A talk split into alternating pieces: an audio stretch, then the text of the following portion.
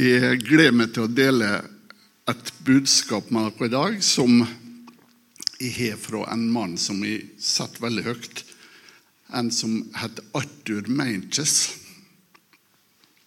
Han er fra Sør-Afrika. Han er forkynner, og han er undervist på den bibelskolen som jeg har gått på. Og når jeg hørte undervisninga hans første gangen, da var øynene mine skikkelig våte.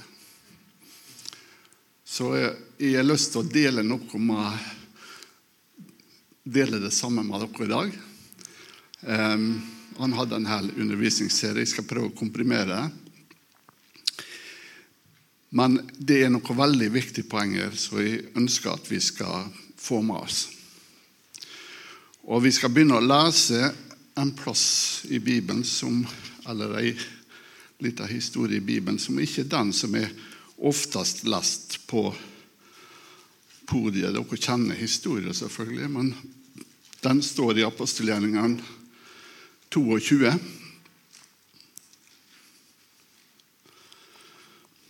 Og det er, handler om når Paulus holdt en tale for folket i Jerusalem. og så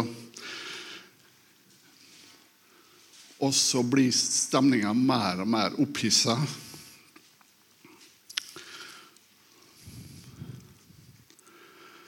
Og så vil jeg lese da fra vers 22. Og de hørte på ham inntil han hadde sagt dette ordet.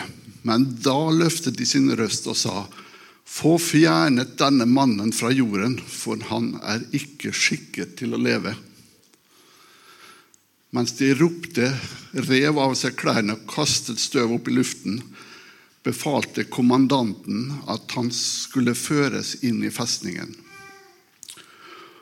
Og han sa at han skulle forhøres under pisking, slik at han kunne få vite hvorfor de ropte slik mot ham. Og mens de bandt ham med reimer, sa Paulus til offiseren som sto der, har dere lov til å piske en mann som er romersk borger, uten domfellelse. Da offiseren hørte det, gikk han og fortalte det til kommandanten og sa:" Vær klar over hva du er i ferd med å gjøre, for denne mannen er en romersk borger. Da kom kommandanten og sa til ham, Si meg, er du romersk borger? Han sa ja. Kommandanten svarte, Jeg for min del skaffet meg denne borgerretten for en stor pengesum. Og Paulus sa, Men jeg ble født som en romersk borger. Det var spesielt på den tida. Romerne lå eh, litt framom det andre når det gjaldt å innføre et rettssystem. Så i Romerike så var det slik at du kunne ikke straffes uten å ha, være dømt først. Men alle andre kunne det. Jødene kunne det, blant annet. De kunne piskes uten lov og dom. De kunne steines uten lov og dom.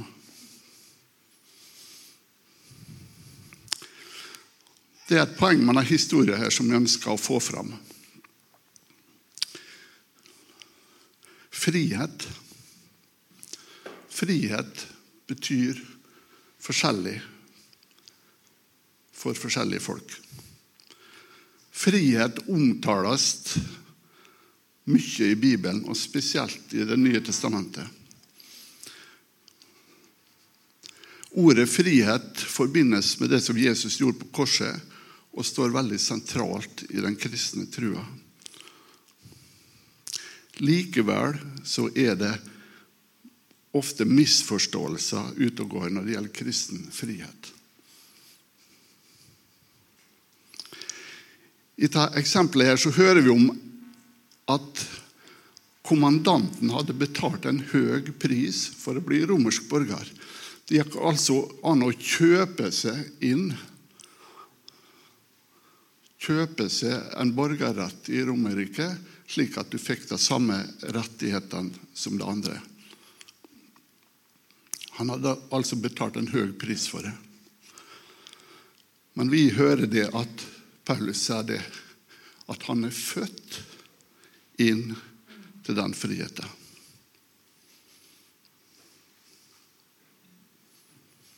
Og da er vi straks ved kjernen i talen min. Eller jeg skulle til å si problemet, men det er kanskje litt begge deler.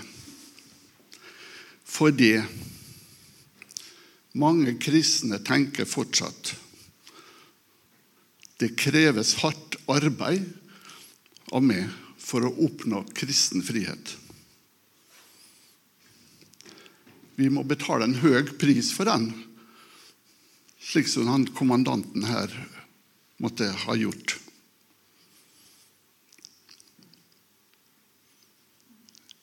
Tenker vi sånn?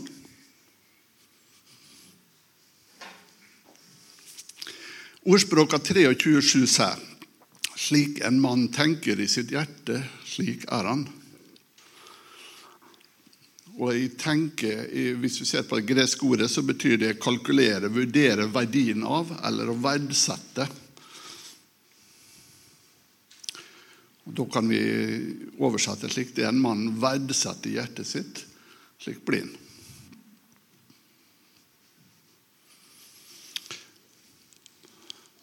Når vi tenker, hvis vi tenker at vi må betale for den kristne friheten i form av gode gjerninger, så er det slik vi blir. Og vi kan bruke hele livet vårt og prøve på å betale den prisen. Det er veldig viktig hva vi tenker om Gud, for hvis vi tenker Eh, måten vi tenker om Gud på, avgjør hvordan vi relaterer til Gud. Og det avgjør hvordan vi relaterer til oss sjøl, til meg sjøl. Hva jeg tenker om meg sjøl. Er jeg en svak synder som aldri når opp? Eller er jeg rettferdig? Begge syner fins innenfor Guds menighet. Jeg er vokst opp med det at vi er svake syndere som eh, så vidt fortjener å, å, å komme til himmelen ved hjelp av Jesus. Men er det slik Gud ser på oss? Hvordan jeg tenker om Gud, det avgjør og hvordan jeg relaterer til mennesker rundt meg. Og det avgjør hvordan jeg relaterer til hele verden, faktisk.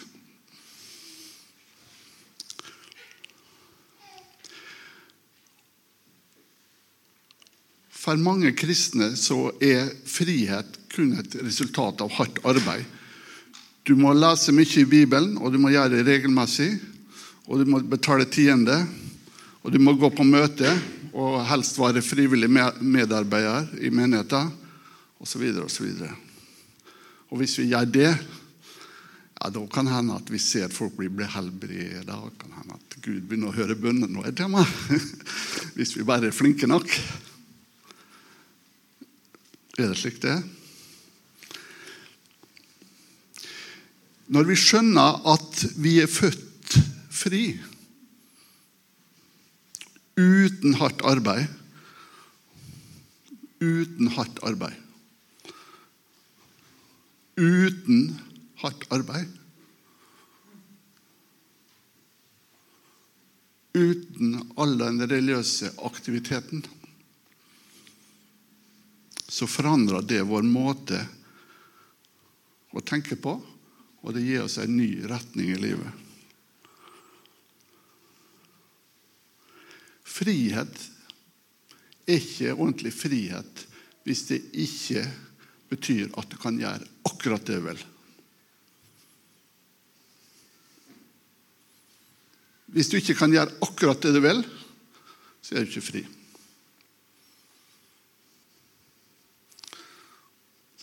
Så er vi satt i frihet, så er vi fri til å gjøre akkurat det vi vil.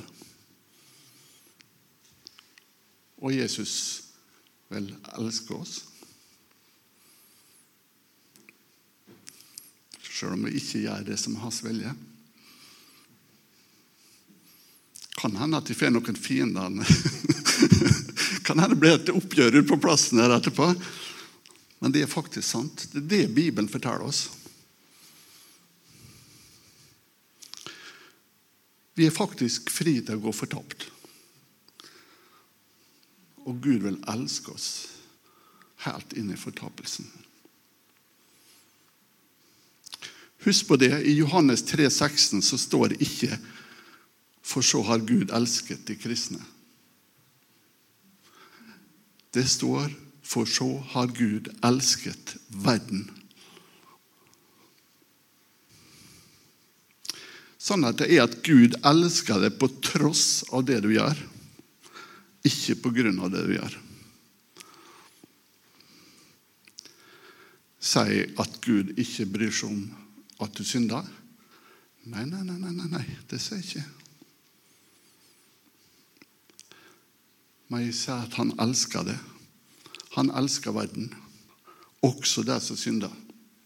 Og også de kristne som synder, elsker han akkurat like høyt.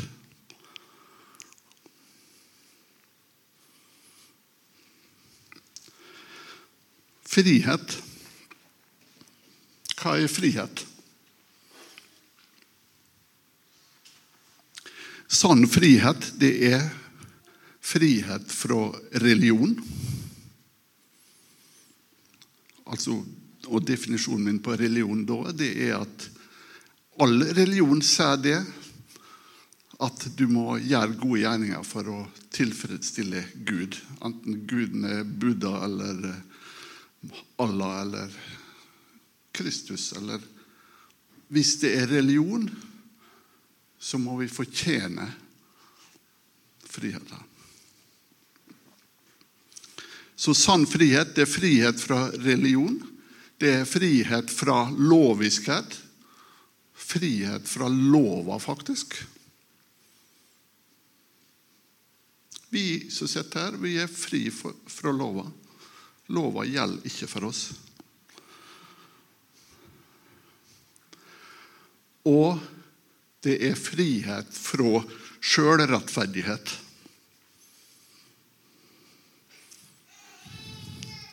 All frihet starter i hjertet, slik en mann tenker i sitt hjerte. Og Derfor så står det også i ordspråket at 'bevar ditt hjerte framfor alt du bevarer', for livet går ut ifra det. Friheten innebærer at vi er fri fra alt som kan binde oss på noen slags måte. Alt fra dårlige vaner til dårlig sjølbilde. Fra alle former for avhengighet. Enten det er til mat, eller det er til trening, eller det er til rus. Frihet fra alle nederlag det å ikke lykkes på skolen, eller i arbeidslivet, eller i idrett, eller i religiøs utfoldelse. Nederlag i det å lære bibelvers. Nederlag i bibellesing. Frihet er frihet fra alt av det. I Johannes 8,32 så står det at dere skal kjenne sannheten. Og sannheten skal gjøre dere fri. Og vi vet at sannheten, hva er det? Sannheten, det er Jesus, det.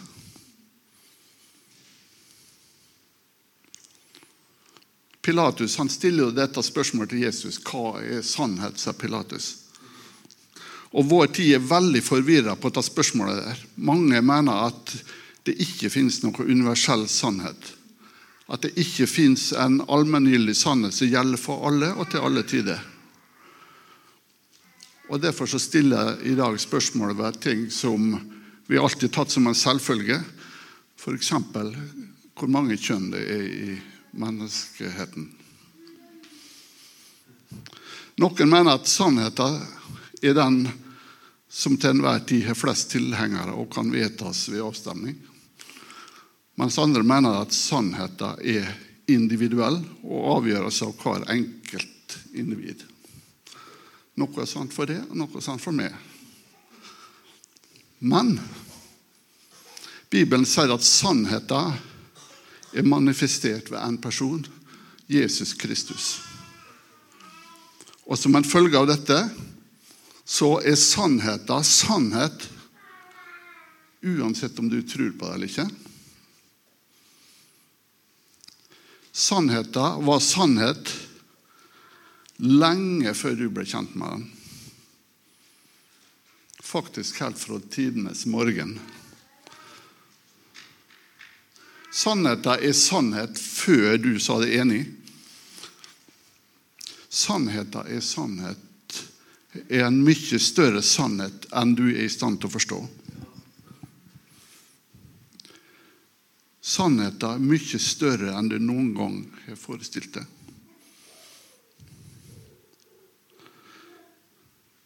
Sannheten er sannhet selv om du er aldri gitt i stemme til henne. Og sannheten er ikke bundet av landets lover, stortingsvedtak eller høyesterettsdommer. Guds sannhet er sannhet uavhengig av noe menneske. Jesus sa om seg sjøl 'Jeg er veien, sannheten og livet'. Min oppgave er ikke å definere sannheten, men å finne henne. Når vi finner sannheten, så setter det oss fri. For Sønnen frigjort dere. Da blir dere virkelig fri. Men så har vi det som heter synd. Og Nå skal jeg si litt om syndens rolle som frihetsberøver. Gud hadde sagt til Adam at hvis han, ikke, hvis han spiste av treet som gir kunnskap om godt og vondt, så skulle han visselig dø. Det er et av de første tingene som står i Bibelen. Og det var sannheten, det.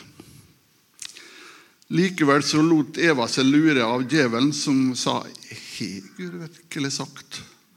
Så han stilte spørsmålstegn ved sannheten. Og Eva hun ble forført av djevelen, for hun hadde andrehåndskunnskap. Men Adam han fulgte faktisk frivillig med. Så det var Adams fall som gjorde oss til syndere. Syndens lønn er døden, står det i Romerne 6,23. Dødens brodd er synden, og syndens kraft er loven, står det en annen plass. Første kor 15, 56. Ok, men da må vi vel gjøre noe med denne synda, da. La oss holde moralen høyt. La oss få innført de ti bud i skolen igjen. La oss ta i bruk igjen det jødisk-kristne verdisystemet. Nei, nei, nei. Det er ikke det som er veien å gå.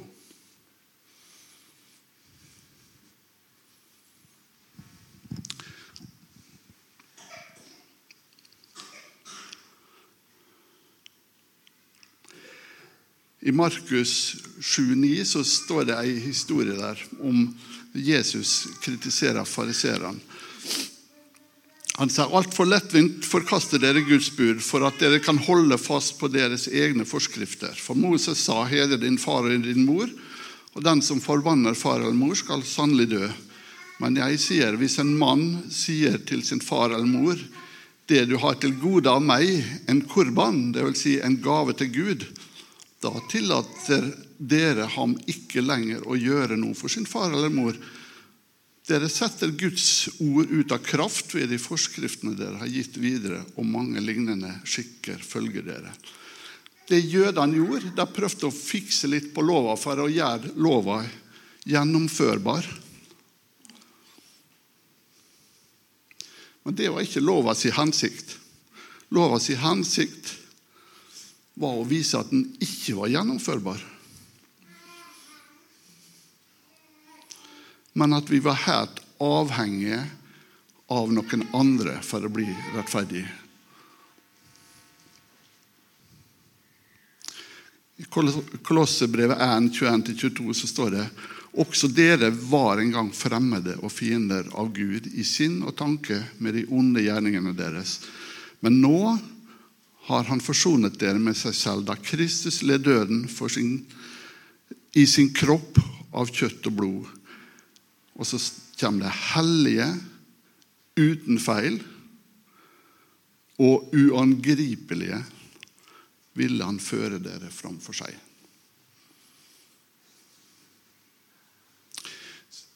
Vi kan aldri komme dit sjøl. Det er bare gjennom Jesus at vi kan, kan eh, bli det. I andre kor 5.21 så står det Han som ikke visste av synd, har han gjort til synd for oss, for at vi i ham skulle få Guds rettferdighet. Jeg liker enda bedre det som står i King James, for der eh, står det ikke 'få Guds rettferdighet', men der står det 'bli Guds rettferdighet'. Så vi har Vi var synd, men Jesus ble synd for oss. Jesus var, rett, var Guds rettferdighet, og vi ble Guds rettferdighet i Jesus sted. Det er faktisk sannheten.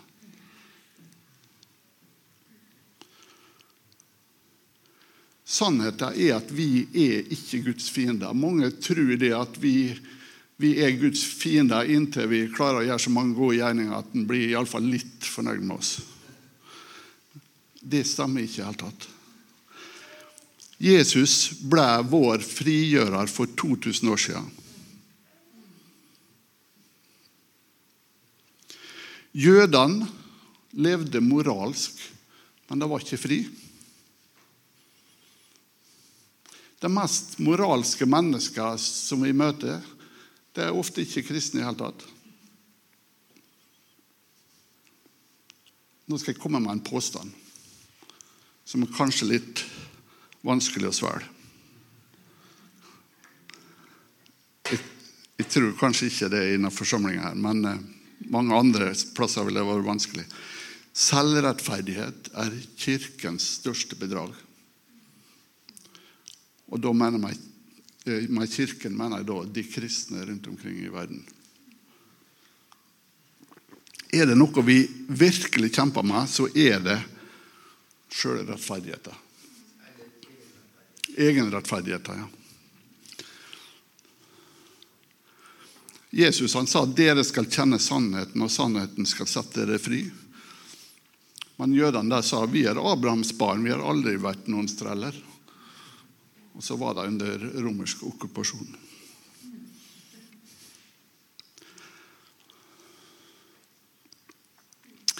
Skal vi skjønne dette, her, så må vi helt tilbake til første Mosebok 2,17. Og det I første Mosebok 2,17 står det om at i hagen så var det et tre som ga kunnskap om godt og vondt. I det øyeblikket Adam og Eva åt av det treet, så ble det sin egen gud. De avgjorde sjøl hva som var rett og galt. Og Helt siden den tid så har kunnskapen om hva som er rett og galt, vært et problem mellom oss og Gud. Kunnskapen om hva som er godt og vondt, gir oss et dobbelt problem. På den ene sida, når vi forstår at vi har gjort noe galt, så fører det til skyld. Ikke sant? Når vi vet vi har gjort noe galt, så fører det til skyld. På den andre sida, når vi forstår at vi har gjort noe som er rett, da kommer egenrettferdigheten fram. Og begge deler er like ille. Begge deler er like ille. Like skadelig for oss.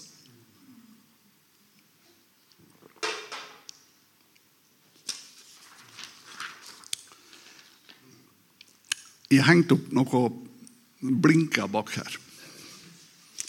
Kanskje noen som lurer på hva det er for noe. Men tenk deg at livet er som å spille dart eller kaste piler på en, på en blink. da. Du har en rekke piler i hånda di, og du kaster og du kaster. Og noen eh, treffer ikke så verst. Og noen treffer ikke engang blinken, og noen detter ned på gulvet. En sjelden gang kanskje så får du en innetier, og du blir veldig stolt. Men så bommer du igjen. Du ser kanskje andre menigheter som synes å ha bare innetiere, og du blir litt motløs. Etter hvert så fristes du kanskje til å gi opp hele prosjektet.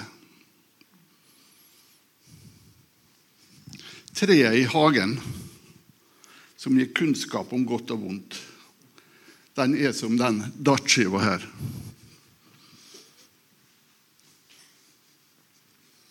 Vi kan prøve å oppfylle det.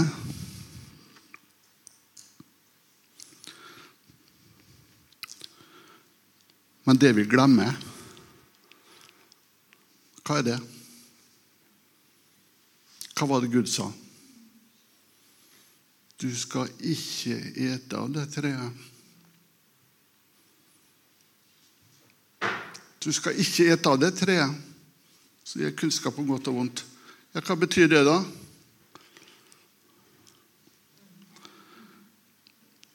Ja, Det betyr noe det at Gud ikke ville at vi skulle vite forskjellen på godt og vondt.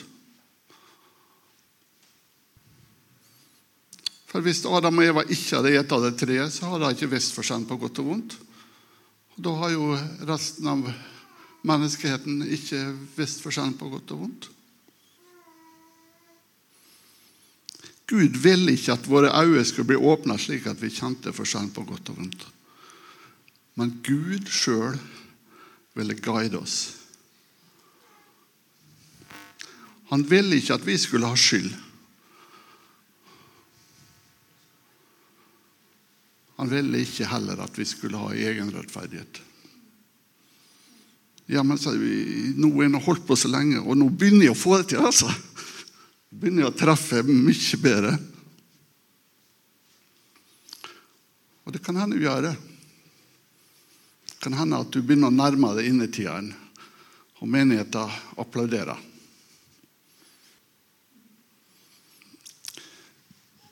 Men det som er, er at det er et annet tre i hagen. Livets tre.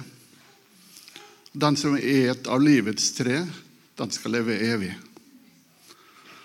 Og vi som er kristne, vi har fått ete av livets tre, for det er Jesus. Og vi har fått evig liv.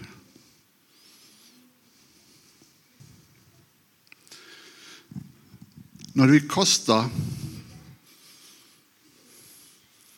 mot treet sin kunnskap om godt og vondt, så kan vi få til å skåre ganske bra. Poenget er det, er imidlertid det, at hvis du er på en skytekonkurranse, enten det er skiskyting eller det er en annen skytekonkurranse, og så skyter du på feil blink, så blir det annullert. Sjøl om du gjorde det veldig, veldig, veldig bra.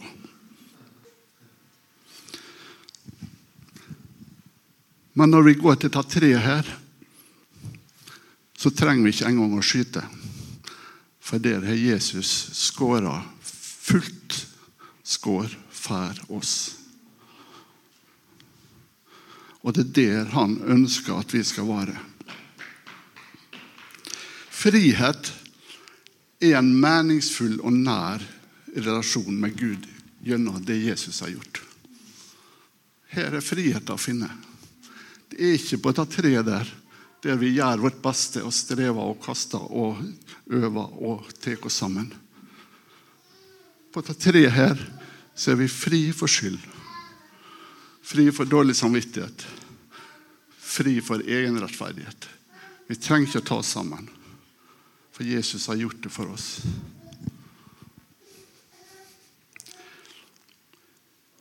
I Johannes 17 så leser vi om at vi er som greiner på vintreet.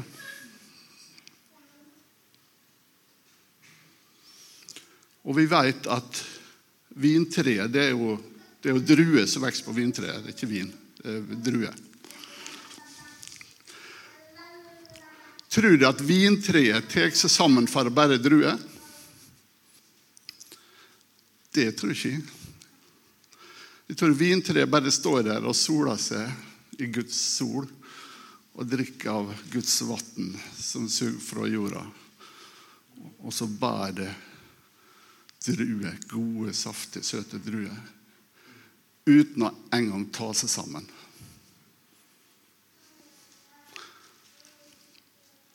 Er det noen som har epletre i hagen sitt? Så. Har du hørt at epletreet stønner om våren for at det skal produsere noe eple. Nei, et epletre tar seg ikke sammen for å bære frukt. Det er epletreet sin natur å bære frukt. Det kommer helt av seg sjøl. Så når vi lever i en slik relasjon med Gud som er beskrevet i Johannes 17, så kommer frukta av seg sjøl.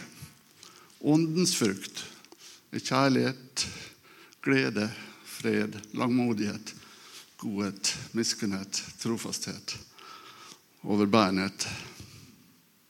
Helt av seg sjøl på grunn av denne relasjonen vi lever med Gud. Det står et rart Ikke rart, egentlig, men hvis vi leser Hebreerne 10,2, så står det det står litt forskjellig i forskjellige oversettelser, men akkurat denne gangen her så har jeg valgt å bruke Bibelselskapet sin 2011-oversettelse. For der står det Ellers hadde de vel holdt opp med å bære fram offer. Ta her refererer til jødene, da. Som måtte bære offer fram opp igjen og opp igjen og opp igjen. Fordi at de ofrene de bar fram, kunne ikke gjøre deg fri fra synd. Og så står det i hebreerne For hvis de som deltar i gudstjenesten, var blitt renset en gang for alle Hvis de var blitt renset en gang for alle, ville de ikke lenger ha noen bevissthet om synd.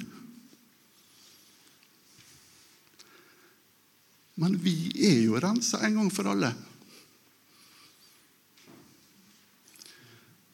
Vi er rensa en gang for alle gjennom det Kristus gjorde. Derfor så skal vi ikke lenger ha noe bevissthet om synd. Fokuset vårt skal ikke lenger være på rett og galt. Fokuset vårt skal være på Jesus og det vi er i Jesus. Det er nemlig slik at det vi fokuserer på, det blir vi opptatt av, og det preger oss. Han Andrew Mackay, veldig kostelig historie der han illustrerer det. Han forteller at det var et sånt barneselskap. Det var noen gutter, sånne, kanskje åtte-tiåringer, som var på, eh, i selskap med sønnen deres. Og De drev og leka seg ute i hagen og sparka fotball og alt mulig. Og så, og så gjorde Andrew Womack noe. Jeg vet ikke hvorfor han gjorde det, men han skulle illustrere poeng, tror jeg. Han gikk ut til disse guttene og sa ja, jeg ser dere her er kjekke gutter, men ser dere blomsten der? Den må dere ikke spytte på. altså. Det er fole viktig. Men bare fortsett å sparke fotball. dere. Og så gikk han inn og stilte seg opp i vinduet. De første guttene var blomsten der. Så begynte jeg å se på denne blomsten. Ja, nei, du tør, du tør ikke å spytte på den, du. Jau, jeg tør å spytte på den. Det er ikke noe farlig, det. Og så endte det med at guttene sto og spytta på denne blomster. Og slik er det med, med, med synda òg. Hvis vi har bevissthet om synd, hvis vi fokuserer på synd Nå må jeg ta meg sammen, nå kan jeg ikke gjøre det. Nå, nå kan jeg ikke gjøre det. Så blir det blir faktisk vanskeligere å holde seg borte fra synd når vi fokuserer på synda. Vi skal fokusere på hvem vi er Jesus, og det han har gjort for oss. Så slipper vi å bry oss om det treet der i hele tatt. Guds vilje med oss er at de skal leve gjennom Jesus som greina på vintreet. Gud ser ikke lenger min synd. Jesaja 38, 17, For du har kastet alle mine synder bak din rygg. Står det. I Salme 103, 12 står det Så langt som øst er fra vest, tar han våre synder bort fra oss. Og Det er bra at det ikke sto fra sør til nord, for går du langt nok nord, så begynner du å gå sør igjen. Men går du fra øst til vest, så går du vestover, så kommer du bare lenger vestover, samme hvor langt du går. Og så langt er våre synder tatt bort fra oss. Så Gud han fokuserer ikke på synd, og det skal ikke vi gjøre heller. Jeg skal ikke lenger ha skyld eller dårlig samvittighet. Jeg er født på ny. Jeg er født inn i Guds frihet. Til frihet har Kristus frigjort oss. Stå derfor fast, og la dere ikke tvinge inn under slaveåket igjen. Galaterne 5, 1. Jeg føler at det, jeg følte det at Gud kalte meg til å si dette her i dag. For det er så lett å fare, falle i denne snara der og bli syndefokusert og gjerningsfokusert. Og, og så glir vi bort ifra det vi er i Kristus. Men takk og lov for at det trenger vi ikke gjøre. Vi kan være hos Jesus og øse av alt det som han har gjort ferdig for oss. Amen.